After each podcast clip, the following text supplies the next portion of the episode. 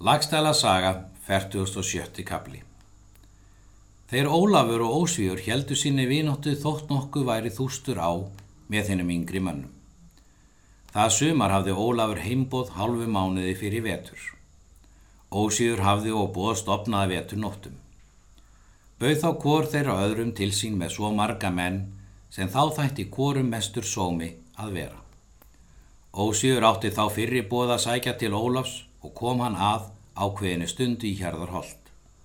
Í þeirri ferð var Bodli og Guðrún og sinir Ósíðurs. Um morgun eftir rætti kona einum er þar gengu utar eftir skálanum hversu konu skildi skipa í sæti. Það bar saman og Guðrún er komin gengt rekju þeirri að kjartan var vanur að liggja í. Kjartan var þá að og klættist og steifti yfir sér skarlatskirtli rauðum. Þá mælti kjartan til konu þeirrar er um hvenna skipunina hafði rætt, því að engi var annar skjótari til að svara. Hrefna skal sitt í öndvegi og vera mest metin að gerföllu á meðan ég em á lífi. En Guðrún hafði þó áður áallt skipað öndvegi í hjarðarholti og annar staðar. Guðrún heyrði þetta og leið til kjartans og brá lit en svara reyngu. Annan dag eftir mælti Guðrún við hrefnu að hún skildi falda sér með mótrinum og sína mönnum svo hinn besta grip er komið hafði til Íslands. Kjartan var hjá og þó eigi all nær og heyrði hvað Guðrún mælti.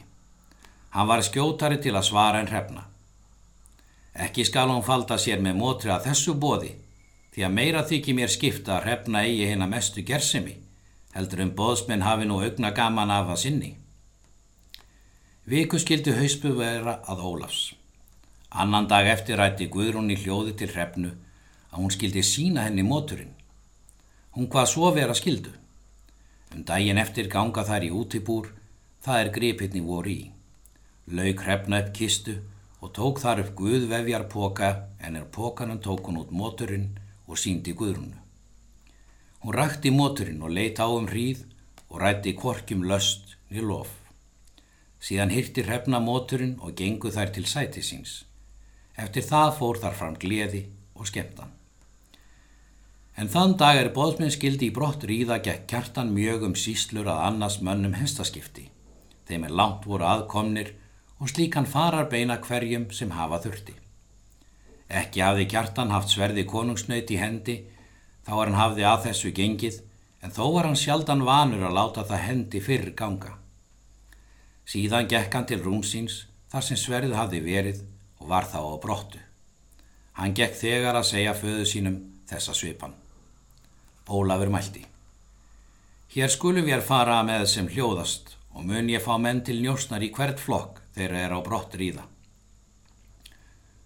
Og svo gerðan. Án hinn kvíti skildi ríða með liði ósýfurs og hugleiða af hvar manna, eða dvalar. Þeir riðu inn hjá ljárskóum og hjá bæjum þeim er í skóum heita og dvöldust hjá skóginum og stígu þar að baki. Þórólfur, són Ósvífurs, fór að bænum og nokkur aðri menn með honum. Þeir hurfu brott í hrískjörn okkur á meðan þeir dvöldust hjá skóginum. Án fyldi þeim til lagsár er fellur úr sælingstal og hvaðst hann þá myndu aftur hverfa. Egi taldi Þórólfur mein á því þótt hann hefði hvergi farið. Þá nótt áður hafði falli lítil snæfölva svo að sporrækt var. Reið, án reið aftur til ég byrja bara aðna aftur ekki? Án reið aftur til skóar og rakti spór Þóróls til keldveitnar eða fens.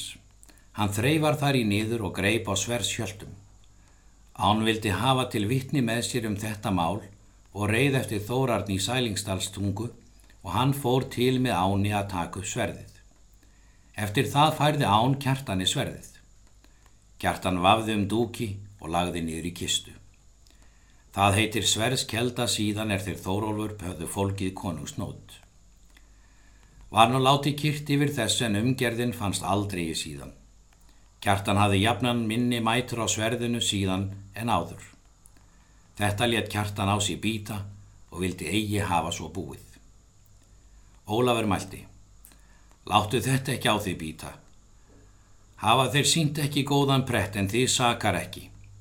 Látum eigi aðra eiga því að hlæja að við leggjum slikt til deilu. Þar er til mótseru vínur og frændur. Og við þessar fortölur Ólas let kjartan kyrt vera. Eftir þetta bjóst Ólafur að sækja heimbóð til lauga að vetur nóttum og rætt um við kjartan að hann skildi fara. Kjartan var trauður til og hétt á ferðinni að bæn föður síns. Hrefna skildi og fara og vildi heima láta móturinn. Þorger húsriða spurði. Hvena skaltu taka upp slíkan ágæti skrep ef hann skal í kistum liggja þá er þú fer til bóða? Hrefna svarar. Margir menn mæla það að eigi sér örvæna að ég komi þar að ég eigi færri öfundarmenn en að laugum. Þorgeru segir. Ekki leggjum við mikinn trúna á þá menn er slíkt láta fjúka hér í milli húsa. En með því að Þorgerður fýsti ákaft þá að þið hrefna móturinn en kjartamælti þá eigi mót er hann sá hversu móður hans vildi. Eftir þetta ráðast þau til ferðar og koma þau til lauga um kveldið og var þeim þar vel fagnað. Þorgerður og hrefna selja klæði sín til varðveislu. En um morgunin er konur skildu taka búna sinn þá leita hrefna mótrinum og var þá í brottu þaðan sem hún hafði varveitt og var þá víða leitað og fann stegi. Guðrún hvað það líkast að heima myndi eftir hafa orði móturinn eða hún myndi hafa búið um óvarlega og felt nýður. Hrefna saði nú kjartani að móturinn væri horfin. Hann svarar og hvað eigi hægt hluti að eiga að gæta til með þeim og bað hann að láta vera kyrt. Segir síðan föðu sínum um hvað aðleika var. Ólafur svarar. En vildi ég sem fyrr að þú letir vera og hjá þér líða þetta vandræði. Mun ég leita eftir þessi hljóði því að þar til vildi ég allt vinna að ykkur botla skildi eigi á. Ég er um heilt besta binda frændi, segir hann. Kjartan svarar. Auðvita er það fadir að þú myndur unna öllum hér af góð slutar, en þó veit ég eigi hvort ég nenni að aka svo höllu fyrir laugamönnum.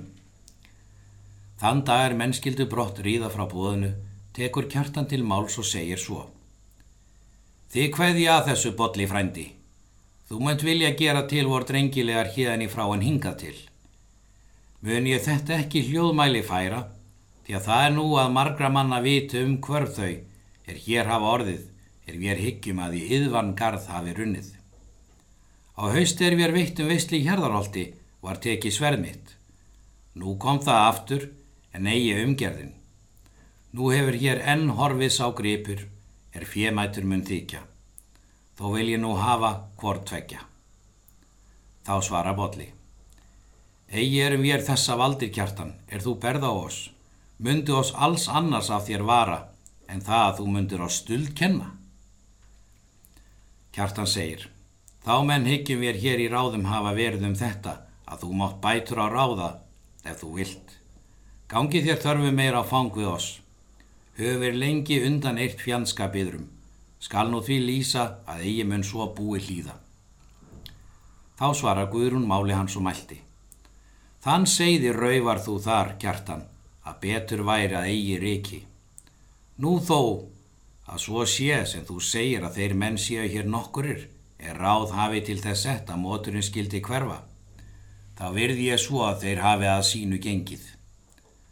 Hafi þér nú það fyrir satt þar sem ummiður líkar, hvaða mótrunum er orðið, en eigi þykir mér ítla þó að svo sé fyrir honum hagað að hrefni hafa litli búningsbót á mótrunum hérna í frá. Eftir þetta skilja þau höldur þunglega. Ríða þeir heim hjarðildingar, takast nú af heimbóðin. Var þá kyrt að kalla. Ekki spurðu síðan til mótursins. Það höfðu margin menn fyrir satt að Þórólfur hefði brendan móturinn í eldi að ráði Guðrúnar sýstur sinnar. Þann vetur öndverðan andaðist áskýr æðikollur, tóku sínir hans þar við búi og fjö.